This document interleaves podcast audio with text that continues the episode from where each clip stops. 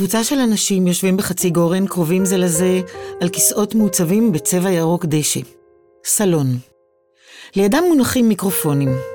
התפאורה, שטיח, שלושה עציצים ירוקים גבוהים מפלסטיק, שלוש מנורות נייר אורז מפזרות אה, אור עמום ונעים, ושולחן אליפטי לבן נמוך וארוך, שעליו מונחים כמה מכשירי רדיו, טרנזיסטורים, טייפ בומבוקס ישן וחבילת טישו. בחדר מפוזרים רמקולים גדולים. אנשים בקהל יושבים על כיסאות, על הרצפה, עומדים וגם זזים בחלל החדר, נכנסים, יוצאים, נכנסים, נשמעת מוזיקה.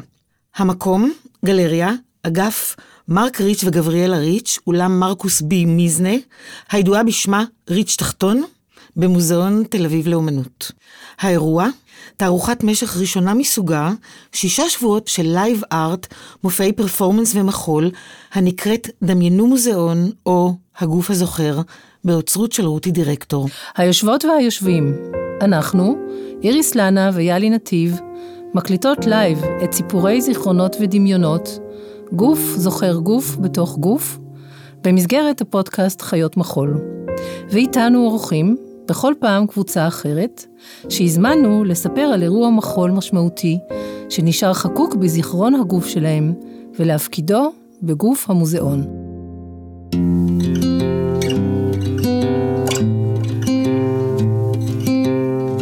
בינואר-פברואר 2023 העברנו את זירת הפעילות שלנו למוזיאון תל אביב לחודש וחצי להופיע עם הפודקאסט. אנחנו כבר כמה חודשים מפתחות ערוץ חדש של הפודקאסט כפרפורמנס. אנחנו חושבות עליו ככוריאוגרפיה ויוצרות מופע, מקליטות live בנוכחות קהל ומשתמשות באמצעים אומנותיים, מוזיקה, תאורה, תפאורה ואביזרי במה. ואנחנו קוראות לזה מיצג, מיצב אודיופוני מותאם למקום, או אם תרצו באנגלית, Performative Site Specific Sound Installation. אנחנו אוהבות לחשוב על המהלך הזה גם דרך המושג העכשווי, קוריאוגרפיה כפרקטיקה מורחבת, משום שהוא מרחיב גם את הפעולה הסטנדרטית של פודקאסט, ראיונות ושיחות עם אנשים באולפן, בסטודיו או בבית, ומותח את מושג הקוריאוגרפיה ואת הציפייה לתנועות ולמבנה מחול מסוגננים ומקודדים. התפיסה הזאת של פרקטיקה מורחבת מוציאה את המעשה הקוריאוגרפי למרחבי פעולה אחרים, ומנסחת מחדש את החוויה של מבצעים ושל קהל. במרחבים החדשים האלו אנחנו מתמקמות. בסיפורי זיכרונות ודמיונות במוזיאון אנחנו מאזינות לסיפוריהם של 65 אנשים מעולמות המחול, התנועה והאומנות, שמתארים את הזכור בגופם כצופים, יוצרים או משתתפים. הסיפורים מסרטטים מפה מרובדת, אקלקטית של היסטוריות, שמסמנת את הזיקות ביניהם, אנקדוטות, מקומות, מושגים, אירועים, אנשים, בארץ ובעולם. בפרק מוזכרים חומר תנועתי משנת 2014, כוריאוגרפיה ענת דניאלי. מרכז כלים. תמי ליבוביץ'. חזרות על חלקים מאיתנו, כוריאוגרפיה ענת דניאלי משנת 2012. מופע במבואה של ריקליס, מוזיאון תל אביב לאומנות. נועה אשכול. דוד דביר. חדרים, כוריאוגרפיה אנה סוקולוב משנת 1977. ירי קיליאן. רינה שיינפלד. טרינה בדש, מגמה. פינה באוש, פולחן האביב, 1975. קפה מולר, 1978. מהבהרתה, 1989, בימוי פיטר ברוק. הפקה של ה New York City Ballet, אגם הברבורים, משנת 1951. קוריאוגרפיה, ג'ורג' בלנשין, הופעה בלינקולן סנטר, ניו יורק. אוהד נהרין. Fase, קוריאוגרפיה, אנטרסה דה קיריסמייקר, עם אנ מישל דה מיי, משנת 1982. Clapping, סטיב רייך. אביטל מוסינזון. פסטיבל אדינבורו. המחול הפלמי בשנות ה-80. פרשנות של אומן המבצע את הכוריאוגרפיה. פסטיבל ישראל. שלמה רוזמרין. ריקוד ג'אז. ריקוד עם. הרועה הקטנה מהגיא. ריקוד המזרון, כוריאוגרפיה מאיה לוי, במסגרת בית ספר לתיאטרון חזותי. אמילין קלייד, Extemporary. Strange Fish, 1993, DV8, עם נייג'ל צ'רנוק, ג'ורדי קורטז, לורן פוטר וונדי האוסטון. ג'וליארד. בת שבע דה רוטשילד. מרתה גרהם. לינולאום. לתוך המבוך, בשנת 1947, קוריאוגרפיה, מרתה גרהם, ביצוע על ידי להקת בת שבע. 1964. משה אפרתי. גרי ברטיני. מגמת מחול תלמה ילין. סדרות מחול באופרה הישראלית 1994 עד 1995. מרק מוריס. בילי פורסייט. La La La Human Steps. ויקטור, משנת 1986, קוריאוגרפיה פינה באוש, סולו רצפה של אחת הרקדניות. התקווה לגעת במשהו ששווה לחיות בשבילו.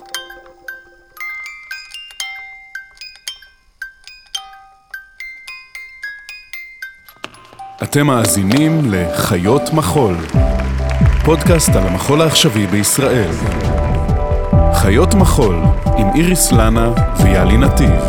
הפרק הוקלט לייב במוזיאון תל אביב לאומנות ביום שבת, הרביעי בפברואר 2023, בשעה 12 בצהריים. שלום להן נמצאות איתנו היום, ענת דניאלי, יובל מסקין, דינה אלדור, דרור הררי, רינה שיינפלד ומאיה לוי. ענת דניאלי, מקימת מרכז כלים, קוריאוגרפית, רקדנית ומורה. מה יהיה עם ההתרגשות הזאת? היא לא עוברת אף פעם. טוב, אולי זה טוב. אני בחרתי לדבר על זיכרון גוף דרך אה, אה, מצב אחד או תנוחה אחת, שאני אראה לכם אותה. ענת הולכת ונשכבת על הצד. אני זוכרת את התנוחה הזאת אה, בתחילת אה, העבודה חומר תנועתי. חומר תנועתי זה עבודה שהיא למעשה רטרוספקטיבה שעשיתי לעצמי. חזרתי לעבודות ישנות שלי, שהלהקה שהייתה לי רקדה אותה ורקדתי אותן אה, בעצמי. התנועה המסוימת הזאת, שאני מאוד אוהבת אותה, כי אני מניחה בה את ה...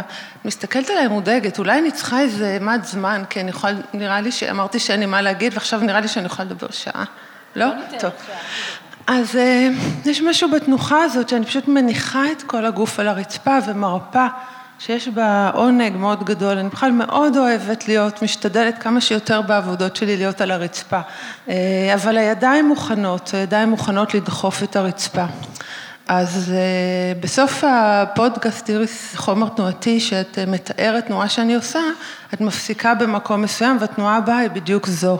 וכשעשיתי אותה בפעם הראשונה במופע הבכורה במרכז כלים, נחתי שם רגע, חשתי את הסמיכות של האוויר, את ההתרגשות, התדר המאוד אה, רוטט, את השקט, את המתח, את ההתרגשות, ואז פתאום היה פץ כזה מוזר, שאף פעם לא שמעתי כמוהו, ואחרי רגע התברר שאחד הפנסים, זה היה, אולם היה חדש לנער, פשוט התרסק. וירד עליי איזה מין גשם, רסיסים של זכוכית, זה ירד סביבי ולא קרה כלום כמובן, חוץ מההפתעה הגדולה, שפתאום קורה משהו כל כך לא צפוי ודי מטלטל. אני זוכרת את התנוחה הזאת גם אה, כשהופעתי עם תמי ליבוביץ' בעבודה משותפת שלנו, שנקראת חזרות על חלקים מאיתנו, והיא הייתה במבואה, בריקליס, וזה היה מופע מאוד... אה, מאוברר, כך שחלק מהאנשים הגיעו וידעו שזה מופע, חלק מהאנשים חלפו וזיהו שיש מופע והצטרפו, וחלק פשוט עברו והיו, לא היו מודעים לכך שהתקיים מופע, ותנוחת הסיום שלנו הייתה על הרצפה, ואני חזרתי לתנוחה האהובה הזאת, ואז הגיעה מישהי, פשוט עלתה במדרגות, ואמרה ממש בקול רם, מה זה, זה אומנות? מה זה, זה אומנות פה? זה אומנות זה? מה זה? ככה בקול אה, רם, וזה היה ממש מעניין, והייתה לי אה, איזו התלבטות לרגע אם לענות לה, כאילו, או...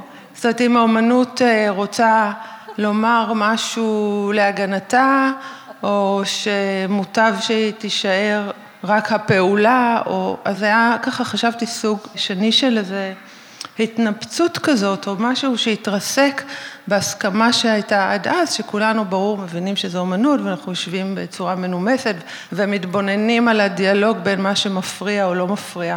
משהו שם שבר את זה. כשהתכוננתי ליום הזה ואמרתי, אה, כמובן בהתחלה ממש הסכמתי וחשבתי שזה רעיון נהדר ויהיה לי מלא זיכרונות ואז לא עלה שום דבר, אמרתי בסדר, יגיע משהו ולא הגיע. זאת אומרת, די הרבה זמן לא הגיע.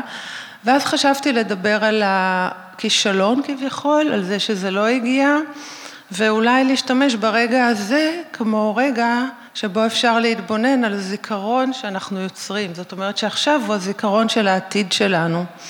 ולכן הראיתי את זה בפעם השלישית כאן, כדי uh, לשתול את הזיכרון הזה, כדי רגע לנוח פה גם, וגם כדי לחשוב על מה מתנפץ סביבנו עכשיו.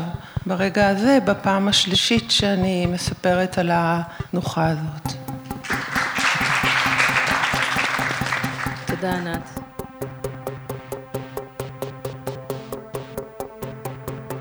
יובל מסקין, איש רדיו ופרפורמר. כמעט כוונתי לשנוא מחול. מחול ואומנות פלסטית היו שני דברים שאימא שלי מאוד אהבה, ולכן פיתחתי התנגדות. בצדק אגב, אבל לא ניכנס לזה עכשיו, כי הפודקאסט לא מספיק ארוך. אז הייתי רואה מחול, וזה תמיד לא מובן, לא מעניין, קצת... אה, הם מנסים לעשות דברים שממילא הם לא יכולים, ואני רוצה לדבר על נקודות פריצה. הראשונה שהלכתי מסקרנות לראות את נועה אשכול. נועה אשכול הייתה אישיות מאוד מעניינת והייתה חברה טובה של הבית. היא ואימא היו שותות קוניאק זול ביחד ומדברות. אז הלכתי לראות, ולא הייתי מוכן לחוויה הרגשית. דווקא המחול של נועה אשכול, שהוא כל כך אקדמאי לכאורה, נזירי לכאורה, מתעסק בבדיקות של תנועה, ואני לא הייתי מוכן ליופי הזה. אני לא הייתי מוכן לעבור בכלל סוג של חוויה רגשית שאנשים זזים על במה. וזה פרץ בי איזה חור בלב. אז אמרתי, רגע, נראה. אז ראיתי פה שם עוד כמה מחולות, ולא, זה לא נועה אשכול. ואז ידידה אחרת שהייתה בה הרבה הביתה, אנה סוקולוב, שהתגייסה לעזור בזמנו לענבל, הייתה קוריאוגרפית חשובה בניו יורק, והמשיכה לבוא לארץ. ובת שבע, מאוד ישנה, עוד עם דוד דביר כרקדן מוביל, עשו את חדרים. נסעתי עד חיפה גם כן מה... בין נימוס לסקרנות, ואז ראיתי פעם ראשונה שרקדנים יכולים להיות בני אדם. כלומר, לא אנשים שזזים ועושים תנועות יפות, אלא בני אדם. והמוזיקה מאחורה הייתה ג'אז מטורף, עם כל מיני מינגוסים ששילמו להם לפי סשן. אני זוכר שנסעתי בחזרה באוטובוס עם הלהקה, וניסיתי להסביר להם, אני לא בטוח שהם הבינו כמה נפלא הדבר הזה שהם משתתפים בו. השלישי, אני עדיין נשארתי מסתייג מאוד ממחול, והייתה לי כבר תוכנית תרבות, ועבדתי עם יוסי גרבר, כל פעם שברקדן או קוריאגרף אמרתי, זה שלך. ומרוב שהתוכנית הזו הייתה חשובה, כי פעם ברדיו חשבו שתרבות זה חשוב, אז היה לי ביד זוג כרטיסים, אני יודע, טוב, נלך, ירי קיליאן. וכשזה נגמר, אמרתי, אה, מחול יכול להיות ככה? אז אני רוצה להכיר. עכשיו, להכיר מחול זה אומר לראות הרבה בינוני, ופה ושם מעניין, מחפש, מצוין, נפלא, מרתק. זה שפה, וזו שפה אבסטרקטית. כבר לא מספרים לי את הסיפור של הברבור. וכן, איזה כיף זה. עד היום אני מרגיש בעצם כקהל, שבא לי לראות מה זה הדבר הזה. ופתאום המגבלה של התנועה האנושית הופכת בשבילי למשהו שנוגע ללב. הם מנסים משהו שהם בעצם לא יכולים, וזה הורס אותי כל פעם מחדש. וכשזה מוצלח, זה הדברים האלה שאתה לא יכול להסביר. המחול הרביעי והאחרון שאני רוצה להגיד עליו משהו, זה דווקא שכבר התחלתי לאהוב מחול והסתכלתי מה יש בארץ, כן? לא הייתה ברירה. וכמעט לא היו אז להקות מחול עצמאיות. רינה שנפלד שיושבת פה רק התחילה אז את הדרך שלה, והיה מרתק לעקוב, ובדרך גם ראיתי שהיא מלמדת המון ילדות קטנות וילד אחד. ונדמה לי ששלוש מהילדות שלה, שאחת מהן תדבר על זה בפודקאסט אחר, רינה בדש, הקימו להקת מחול, עצמאית, שלוש בנות, מגמה. וזה היה משב רוח רענן נורא, שגרם לי להרגיש שאני גם יכול להזדהות עם. זאת אומרת, כי הנה אני, ואני רואה דבר חדש וקיים וצעיר, כמו מוזיקת קסטות בזמן אמת, כמו הפאנק בזמן אמת, מגמה. ויש שם סולו אחד שאירינה תספר עליו בפודקאסט שלה, שכולה יושבת עם גב חשוף לקהל, קוקטו טווינס ברקע, ואז פעם ראשונה הרגשתי קצת שייך לעולם הזה. אתם רוצים עוד משהו? יש לי משהו אידיוטי. אז האחרון, והוא אידיוטי לגמרי, צלצלו אליי לתוכנית תרבות החשובה, אמרו, תשמע, באה איזו קוריאוגרפית גרמניה מאוד חשובה, אחת מהשלוש הכי גדולות, פינה באוש. אתה מוכן לראיין אותה? לא היה לי מושג מי זה פינה באוש, אבל למה לא? אף אחד עוד לא יודע מי זה פינה באוש, חוץ מרינה בטח. ואמרו כמה שיותר מאוחר, התוכנית הייתה בין 11 ל-1 בלילה, אמרתי 12 וחצי. 12 וחצי הגברת לא באה, 12.35, היא מגיעה לי בערך ברבע ל... אני יוצא אליה ואומר לה קצת בנימוס, אבל בהתנשאות, תשמעי, באת עכשיו, עד שתיכנסי לאולפן, עד שנתחיל לדבר פרסומות, עזבי, בואי נעזוב. היא הסכימה איתי. קשקשנו קצת, היא שאלה שאלות, משהו על חרדים וזה, והלכה. חודש אחרי זה אני רואה את קפה מילר ופולחן האביב, ואחרי חמש דקות אני אומר, תודה אלוהים, שהצלת אותי, לא ידעתי מי היא. אם הייתי, היה לי מושג מי היא, מה הייתי עושה ברגע הנורא הזה שהיא באה ואני אומר לה, לא, לא, לא, לא, לא, לא, לא. עכשיו, היא זכרה את זה ממש לטובה. אחד התנהג אליה כמו בן אדם. היה לי קארט בלאנש להיכנס מאחורי הקלעים, לראות מה שאני רוצה, והיא תמיד חייכה אליי מאוד נעים, כי נעים שבן אדם מדבר על בן אדם ולא רק yes yes master וכאלה. אז טוב, ולהגיד לכם שקפה מולר כל כך מילא אותי, שאמרתי אחרי זה, קפה מולר עבודה מצוינת, פולחן אביב קצת פחות, כי לא היה לי מקום להכיל את זה. ומזל שזה חזר, ואז ראיתי את זה לבד, ואמרתי, אה... אני חושב שזה מספיק חוויות מחול לפעם אחת. תודה, יובל.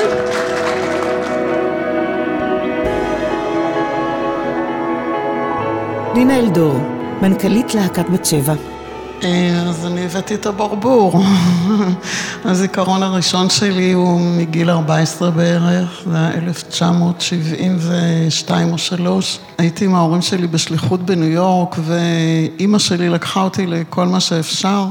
ראיתי את המהאבהראטה של פיטר ברוק, ועוד הרבה דברים אחרים, אלווין אליאנס, אבל זה נחקק, כי כנראה זה נורא מזכיר לי האווירה פה, מטינה, בטח זה היה מטינה של יום שבת. בתיאטרון גדול, זה בטח היה סיטי סנטר, איפה שה New York City Ballet מופיעים, וסביר להניח שזה היה הם. אה, הפקה שפשוט הפעימה אותי, אה, של לגמרי ברבורים, ואני זוכרת דווקא לא את תפקידי הסולו, ה over אקספרסיביים, דווקא את הקטעים של ה corps de ballet, 30, 40 ברבורים על הבמה. והתפאורה המרהיבה הזאת, הפקת בלט קלאסית אה, היא כמו, היא בקנה מידה אופראי, המסכים הגדולים, האביזרים, התלבושות, הפאתוס, ומה שהפעים אותי זה הקומפוזיציה. התמלאתי נשגבות מהקומפוזיציה. וזה מה שמצאתי אחרי כן ביצירות מחול אחרות שראיתי בהמשך, בעבודות של בלנשין, שהקומפוזיציה פשוט אה, מרטיטה את הלב, והבנתי את הרב-ממדיות של המדיום הזה, מסה שזזה בחלל, בזמן, בתוך הזמן. ועד היום אני אה, משתדלת כשאני יכולה לראות עבודת מחול גם מרחוק, מלמעלה, כדי לראות איך מתארגן החלל, וזה מה שמפעים אותי דבר ראשון בעבודות של אוהד אגב, זה איך הוא מארגן את החלל והקומפוזיציות שהוא יוצר. זה דבר כל כך מופשט, אבל זה באמת מתכתב עם אה, אומנות פלסטית, כמו שאנחנו מתפעלים ביודעין או שלא ביודעין מקומפוזיציה של ציור או עבודה על הקיר. וגם של פסל, איך מציבים את המסה הזאת בתוך חלל. כמו שבברבורים, בחלק המוזיקלי של הברבורים, אתם יכולתם לדמיין לעצמכם ולעצמכם את הברבורות רוקדות עם השמלות שלהן, מחוללות על הבמה, פה מחוללות אן תרזה דה קירסמאקר ואן מישל דה מי. בעבודה הראשונה שנסעו, זה היה עשור אחרי שראיתי את אגם הברבורים, ראיתי את זה בתיאטרון ירושלים, המנהל האומנותי אביטל מוסינזון, והוא ראה את העבודה הזאת, Fase, ארבעה פרקים למוזיקה של סטיב רייך, באדינבורו, באיזו מסגרת של כישרונות צעירים, היא עוד לא הייתה תרזה. רבים מהם היו אז פלמים, הייתה פריחה בזירת המחול הפלמית, והוא הביא אותם לארץ, לפסטיבל ישראל, ושתיהן חוללו למוזיקה הזאת, ולמרות שזה דואט, ושם היו שלושים ברבורות, אה, זה נורא הזכיר לי את זה, הם חוללו עם השמלות ריקו הפשוטות שאפיינו אותן, עם שיער פשוט, לא אסוף והדוק, עם הסניקרס שהם רקדו בכל הריקודים. אבל זה ריגש אותי באותו אופן, כי הן גם, הן רוקדות והן עוברות את, לעשות את הטרנזישן הזה בניואנס של המוזיקה, עם כל כך הרבה משחקיות ופלייפולנס והרבה עונג בתנועה שהן עושות, למרות שהן רוקדות בריבוע מאוד קטן. לא חוצות במה גדולה, מאוד מאוד יפה, זה כל כך הפעים אותי, זה מה שיובל אמר, שהרגשתי שאנחנו באותו מקום, מדברים אותה שפה, חושבים על אותם דברים, על המדיום הזה. נוסף על כך, בשנים אחרי כן, בוא נגיד עוד עשר שנים, קצת פחות מעשר שנים, העוצמות של הזיכרון, רובד נוסף של הזיכרון, הוא האקספרסיביות של האומן המבצע, של הרקדן, שזה מאוד אופייני לבת שבע, ואני חושבת בעבודה החדשה של אוהד זה הגיע לשיא. הפרשנות של הרקדנים את הקוריאוגרפיה היא מאוד מאוד משמעותית, וזה לא זיכרון אחד, יש לי זיכרון של שושלת, של אה, רקדנים, והיא מתחילה גם לפני אוהד, כי אני ראיתי את רינה כשהייתי צעירה, אה, לראות את האומן המבצע, שהוא מטעין את הקוריאוגרפיה, את הארגון הזה של החלל בזמן, בעצמו, בדברים שלו. שלה. אז זה היה באמת, אה, אני זוכרת כל כך הרבה, אני בטוחה שכולם זוכרים ביצועים אה, נהדרים של אה, לא רק רקדני בת שבע, רקדנים בכלל בזירת המחול, ביצועים מפורסמים. אה, אותי תמיד מרגש לראות רקדן חדש, יחסית בלהקה, מבצע תפקיד שאני זוכרת אותו מלפני עשור או שני עשורים. אגב, אנחנו לא אומרים, גם את אמרת עבודות ישנות, אנחנו אומרים עבודות מוקדמות, כי את לא תגידי על פיקאסו מהתקופה הכחולה זה ישן. תגידי זה מוקדם, וגם אתה אמרת ישן, זה לא ישן, זה מוקדם, עבודה שעשית קודם, אבל היא עדיין אה, אמיתית, נוכחת, תקפה. תודה, דינה.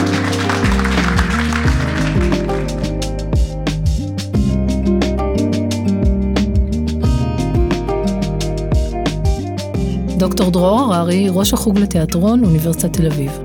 אז אה, בניגוד לענת דניאלי, כשאני קיבלתי את ההזמנה להשתתף בפודקאסט הזה, אחרי ששלחתי את הסנד המאשר, או אחרי שהייתה לנו שיחת טלפון, אני אמרתי, יא אללה, למה הסכמתי לדבר הזה? אני פשוט לא יודע מה לבחור.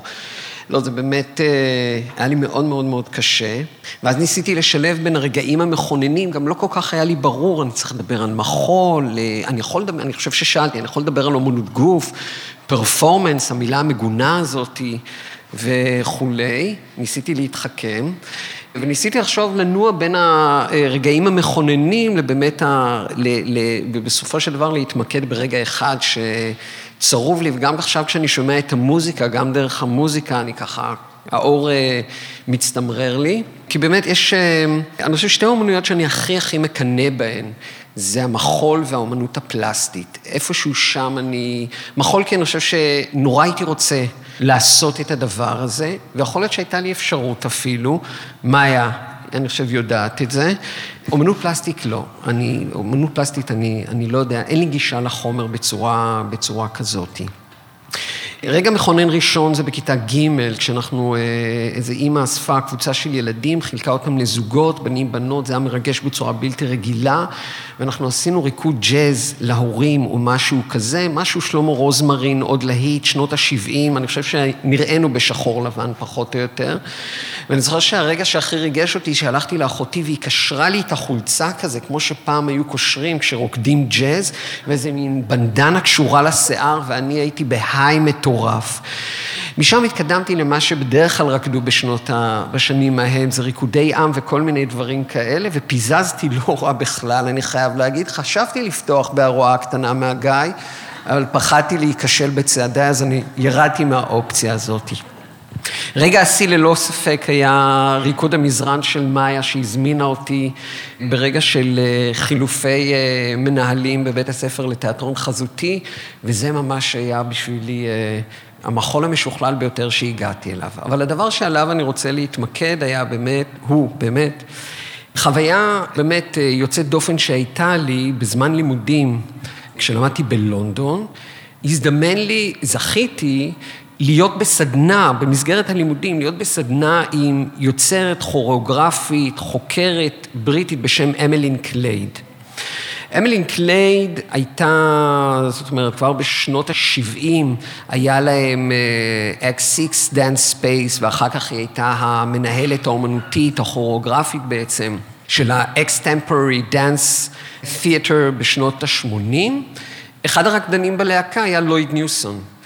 אני למדתי אצל אמלין בשנות ה-90, וזו באמת הייתה סדנה שאז כל המחול האירופאי של ההשתטחויות על הרצפה, הקפיצות, האחיזות, הנפילות, כל הדברים מאוד אנרגטיים, מאוד אקססיביים, מאוד כל הדברים האלה, היו כאילו וים ונדקייבוס, La La La Human Steps ואחרים וכולי, ככה במסורת קצת של, גם של הטאנץ תיאטר, אבל גם במסורת של אומנות גוף שהתחילה ככה מתפתחת ועוד כל מיני דברים כאלה.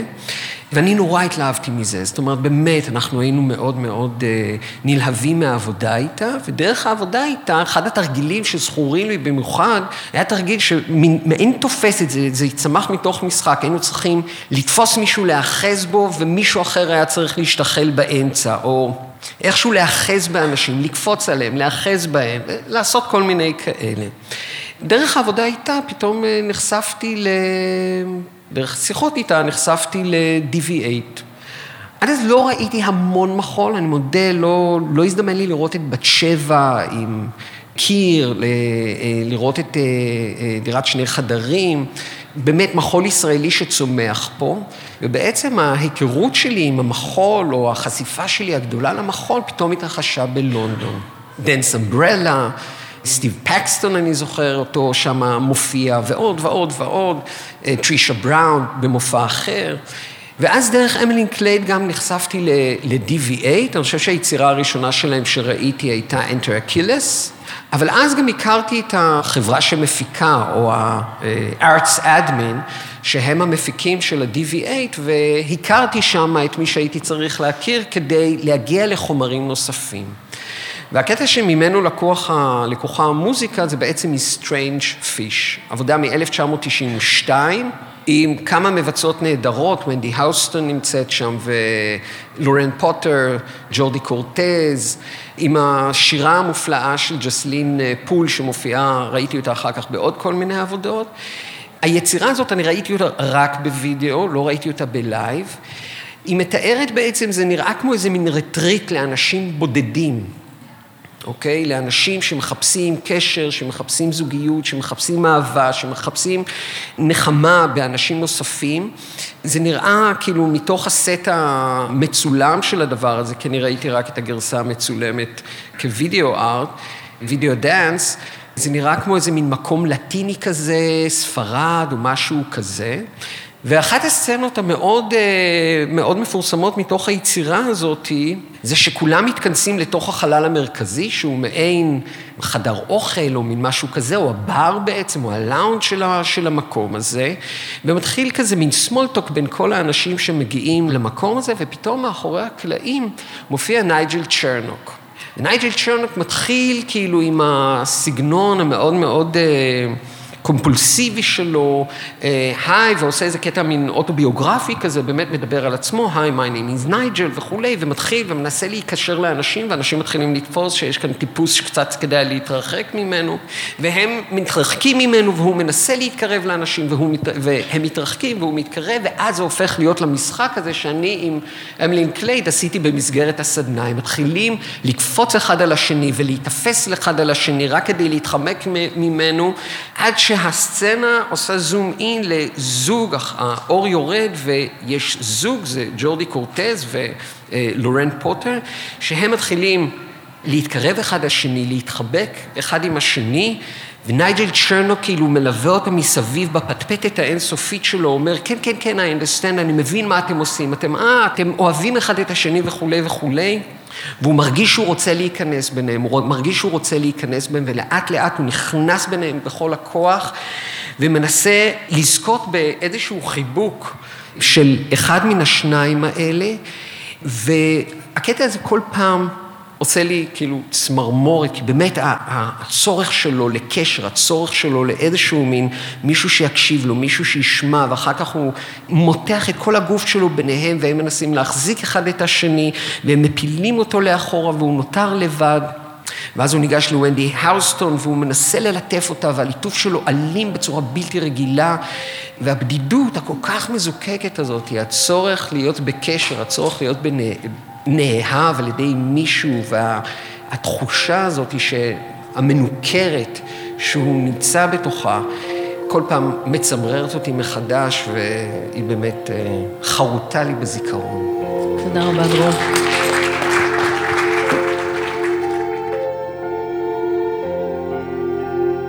רינה שיינפלד, רקדנית, קוריאוגרפית, מורה למחול ומנהלת תיאטרון מחול. כשהתבקשתי לדבר על הזיכרונות, יש לי כל כך הרבה זיכרונות, אבל גיליתי שאני נמשכת מאוד דווקא לזיכרונות שיש בהם תקלה, בעיה. לא לזיכרונות שקיבלתי פרס ועליתי על הבמה והצלחתי, דווקא הזיכרונות שהיו בהם, שקרה בהם משהו, ואני אסביר גם למה. למה בעצם המשמעות כדי להבין מדוע הזיכרונות האלה הם משמעותיים עבורי ואולי עבור כולם. קודם כל אני רוצה להגיד שבמוזיאון זה היה הבית השני שלי, כשעזבתי את בת שבע, לא היה לי לאן ללכת, הלכתי למדבר, המוזיאון היה הבית שלי וזה היה משמעותי מאוד בשבילי, הופעתי פה הרבה שנים. אז מה, מה הם הזיכרונות עם התקלות? פה פצעתי את הרקדן, פתח את הראש, פה פחדתי שאני הופעתי באיטליה באיזה טירה על ההרים ופתאום הייתה רוח וחשבתי שאני לא אמצא את דרכי הביתה, כמעט מתתי שם, או כשרקדן הרים אותי והוא היה שיכור אה, בבת שבע, אלה הדברים שאני זוכרת, שעליתי על הבמה ואמרתי, אלוהים שמור עלינו שאני לא, לא אמות פה על הבמה, כמו איזדורה דנקן. בכל אופן, הסיפור שלי בעצם מתחיל שחזרתי מ- מלימודים בג'וליארד לארץ והקמתי להקה של 11 רקדנים, כל הרקדנים שאחר כך היו בבת שבע והברונית, בת שבע דה רוטשילד, בעצם חיפשה אותי, לא אני אותה. היא חיפשה בארץ להוכיח לעולם שהיהודים אחרי השואה שווים משהו, ושהם תורמים במדע ובאומנות, בתרבות. והיא אהבה מחול, אז היא החליטה להקים, אה, לממן מדע וקרן גם למחול. ואז היא באה אליי, ובערב הזה הראשון שעשיתי כשחזרתי מג'וליארד, היא תמכה בי, ממש תמיכה לא פחות טובה ממה שיש לי היום, זה היה אז. והופענו, אני לא אדבר על הביקורת שקיבלתי, אבל uh, למחרת אני מקבלת טלפון במבטא צרפתי. קודם כל בת שבע עלתה לארץ והיא סיפרה לי, היינו מאוד בקשר הדוק והיא סיפרה לי שהיא רוצה להיות עולה חדשה ואז היא גם דיברה עברית. אז היא אמרה לי, רינה, יש לי רעיון משוגע. אחרי שהיא ראתה את ההופעה שלי וראתה גם עוד הופעות. אני אקים להקה, אני אקרא לה בת שבע, זה רעיון משוגע.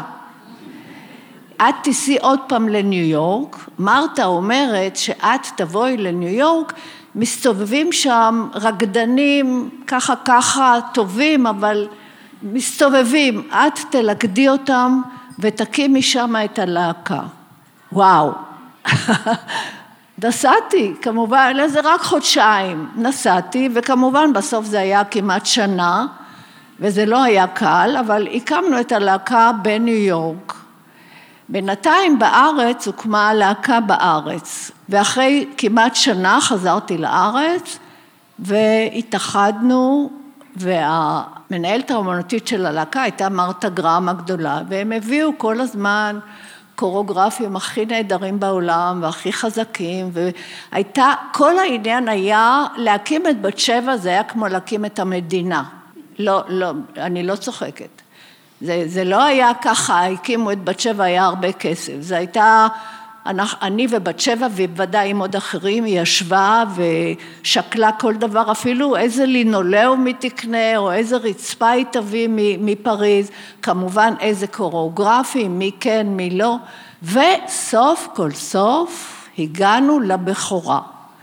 דרך אגב, כל תפקיד רקדו אותה חמישה רקדנים, כי אמרת אהבה לסכסך בין כולם, ובסוף בחרו ברקדנית שתופיע, איך בחרו? שבועיים לפני הפרמיירה היה כתוב על הלוח שאני רוקדת לתוך המבוך המפחיד הזה.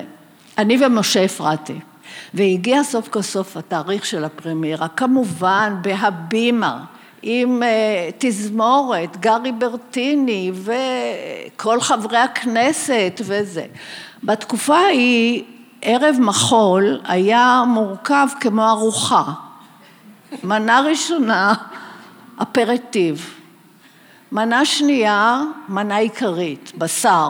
מנה שלישית, בשר. מנה אחרונה, קינוח. טוב, אז המנה הראשונה, אפריטיב, ויוולדי, שמח, כיף לא נורמלי, ריקוד של פרלן, כל הלהקה רוקדת, ואיזה כיף.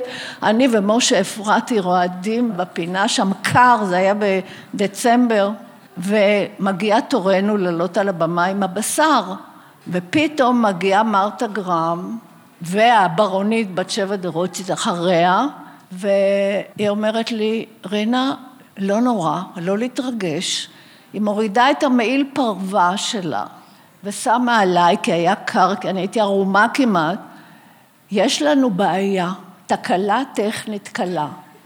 הפסנתרן שכח את התווים. אבל אנחנו נפתור, הוא גר קרוב, סליחה, הוא גר קרוב בהבימה, הוא יביא את התווים ואנחנו נמשיך. בין, אז אני ומשה רעדנו כולנו, ויאללה, זה, עבדנו את כל התקופות האלה בשביל להגיע לרגע הזה. היא הציצה דרך המסך ואמרה, שלום, my name is Martha.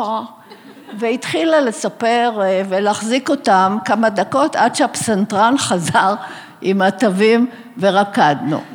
ואני אומרת, מה שחשוב בכל הסיפור הזה, בזיכרון הזה, זה המשמעות של האומנות, כן? המשמעות גדול וכספים ועבודה קשה ולבנות וקוריאוגרפים וזה אני כן אוהב, אני לא אוהב וקהל, זה בנוי על האדם הקטן ששוכח את התווים. זאת אומרת האומן הגדול הזה שמעריצים אותו הוא בסך הכל אומנות זה בנוי על האנושי.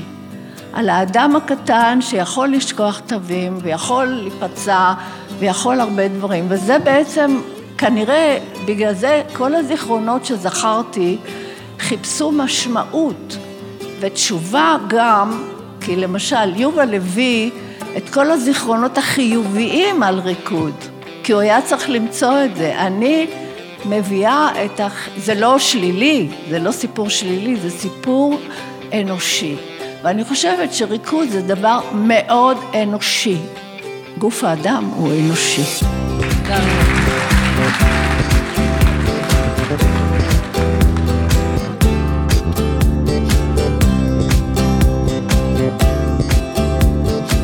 מאיה לוי, מנהלת בית הספר לתיאטרון חזותי בירושלים. כל זמן שדיברתם כל כך יפה, חשבתי שיש באמת עוד כל כך הרבה סיפורים ושאולי אני אשנה ברגע האחרון. אבל אה, אני חושבת שיש אה, נקודת, באמת כשדיברנו, אז אה, לא הייתה לי שאלה. כאילו יש נקודת מפנה אחת, ברורה ובהירה, במסע שלי. ובתור כזה רקדנית מילדות, עם הסללה כזאת מאוד ברורה ושיעורי בלט וכל הדבר הזה, הגעתי להיות תלמידה בתלמה ילין, במגמה למחול, הייתי בת 17 בי"א, ילדה מאוד ממושמעת אבל מאוד מוטרדת. מאוד מוטרדת כי לא מצאתי מנוחה. לדבר שהיה נראה לי שאנחנו מחפשים אחריו ועמלים כל כך קשה בשבילו ואני לא מוצאת סיבה נראית לעין מסביב והצדקה לכל הפעולה היומיומית הזאת שאני עושה ולהרגלים האלה שאני כרוכה בהם באופן כל כך עמוק ואז פתחו את עונת, זה היה מין סדרות מחול כאלה באופרה הישראלית. אני חושבת שהעונה הראשונה הייתה ב-94 והעונה השנייה הייתה ב-95. אז ב-90, אז הנה זה שינה את חיי, ב-95-6 גם ראיתי הרבה מאוד דברים בתוך העונות האלה, מרק מוריס הגיע וביל פורסיית' הגיע והמון דברים באמת גדולים ומעולים, DV8 הגיעו, אחר כך שנים אחרי זה גם ללה ליומן סטפס הגיעו, כאילו זה באמת רגעים מאוד משמעותיים, אבל הייתי בת 17 ולקחו אותנו לראות פינה באוי שהגיעה עם שלוש תוכניות, עם קפה מילר משותף עם פולחן האביב וכמה ימים אחרי זה עם ויקטור. אף אחד לא עשה לנו הכנה, אף אחד לא הסביר לנו מה אנחנו הולכים לראות, הלכנו פשוט אה, זה, היו לנו מקומות, אה, אני זוכרת, מאוד מאוד גבוהים שם ביציעים, מקומות כאלה שלא רואים מהם כלום, אבל אה, זה היו שנות התשעים, זה היה קצת מערב פרוע, קבעו האורות, ירדנו למטה לאולם, ישבתי על המדרגות, אני יודעת למקם בדיוק איפה באולם, באופן כזה שראיתי אולי 75% מהבמה. ודווקא את הקיר הכי מרכזי של קפה מילר, שבו היא מתיחה את עצמה כל הזמן, לא ראיתי. אבל זה לא כל כך היה משנה. וחשוב להגיד שזה היה ביצוע של פינה עצמה. היא ביצעה את קפה מילר באותו ערב, ואני יצאתי מהאולם ולא ידעתי נפשי, הרגשתי שנפל דבר, ושמעכשיו יש לי סיבה, כאילו מעכשיו אני יכולה, אני מבינה או כל הדברים נניח שהרגשתי או לא הצלחתי לנסח אותם, לא במילים ובטח שלא בגוף ובחומר, הרגשתי שהנה יש מישהו שמצליח לנסח אותם בגוף ובחומר בצורה כל כך יפה וזו הייתה בשבילי ממש פריצת דרך שאני חושבת שהחזיקה הרבה הרבה הרבה מאוד שנים אה, אחר כך. ואז אמרתי אוקיי יש עוד תוכנית ויקטור אני חייבת להשיג כרטיסים לזה, אבל לא היו כרטיסים. והיה לי חבר אה, כזה, לא חבר, הוא היה מין אה, בחור כזה שרצה בחברתי, ואני לא כל כך רציתי בחברתו. אבל המשפחה שלו הייתה משפחה אה, תרבותית כזאת, ולהורים שלו היה מנוי לאופרה.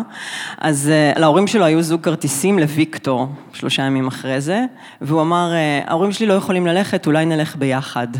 אז אמרתי, טוב, אני אשלם על זה מחיר כבד, אבל לא אכפת לי, ובאמת הלכנו לראות, ואז צפיתי גם בוויקטור, ובאמת אה, יש לי זיכרונות מאוד חזקים מהעבודה הזאת, אה, במיוחד מאיזה סולו אחרון כזה, סולו רצפה מאוד, אה, מאוד יפה של אחת הרקדניות, ואני חושבת ש...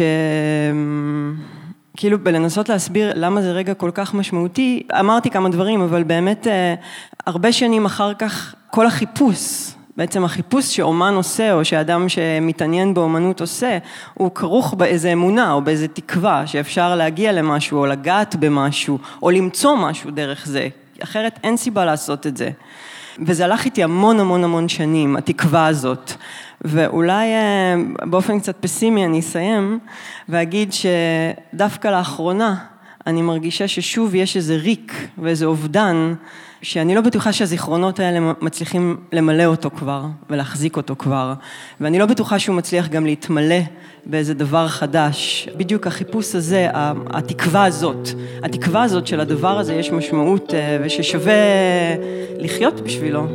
אז אה, זהו.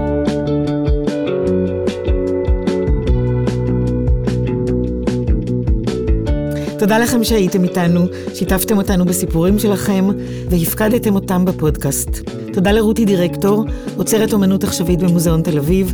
תודות לאודי גליניק, סאונדמן וצלם, שליווה אותנו במהלך ההקלטות. ללאו ליברמן ותמר אבן חן, תוכן רשתות חברתיות. לנדב ברנע על ייעוץ תאורה ותפאורה. לעידית סוסליק על עזרה בהפקה וצילומי סטילס ווידאו. תודה לזוהר זלץ מאולפני אשל. ולקהל שהיה עמנו והאזין לסיפורים. זהו פרק נוסף בסדרת סיפורי זיכרונות ודמיונות, גוף זוכר גוף בתוך גוף. ההקלטות נערכו במהלך ינואר ופברואר 2023 במוזיאון תל אביב לאומנות. בפרק הבא משתתפות דרורית גור אריה, הלל קוגן, הילה בן ארי, רינה בדש, מיכל הלפמן ויאלי נתיב. איריס לנה היא חוקרת מחול, מרצה באקדמיה למחול ובסמינר הקיבוצים, ניהלה את פרויקט הקמת ארכיון להקת בת שבע, ואת תחום המחול בפרויקט שימור דיגיטלי של אוספי מחול בספרייה הלאומית. יאלי נתיב היא מורה וחוקרת מחול בהקשרים סוציולוגיים ואנתרופולוגיים. היא מרצה בכירה במכללה האקדמית לחברה ואומנויות, ASA, כותבת על חינוך לאומנויות, סוציולוגיה של הגוף, התנועה והמופע, ועל מחול והחברה הישראלית. מחקרה העכשווי עוסק ברקדנים מקצועיים מזדקנים. יאלי היא יושבת ראש עמותת הכוריאוגרפים. אנחנו מזמינות אתכן ואתכם לבקר באתר הפודקאסט חיות מחול, שם תמצאו תצלומים, קטעי וידאו וכישורים לדברים שדיברנו עליהם בפרק זה, ולהקשיב לפרקים הקודמים של הפודקאסט. הפקת הפודקאסט נערכה בשותפות עם המחלקה לדיפלומטיה תרבותית במשרד החוץ. הפודקאסט הוא חלק מפלטפורמת השיח טייץ, מחול ומחשבה. הפקה איריס לנה ויאלי נתיב. תודות לעידו פדר, לעמותת הקוריאוגרפים ולמשרד התרבות והספורט. קטעי המוזיקה המושמעים בפרק הם מתוך Free Music Archive. ניתן למצוא אותם בדף הפרק באתר חיות מחול.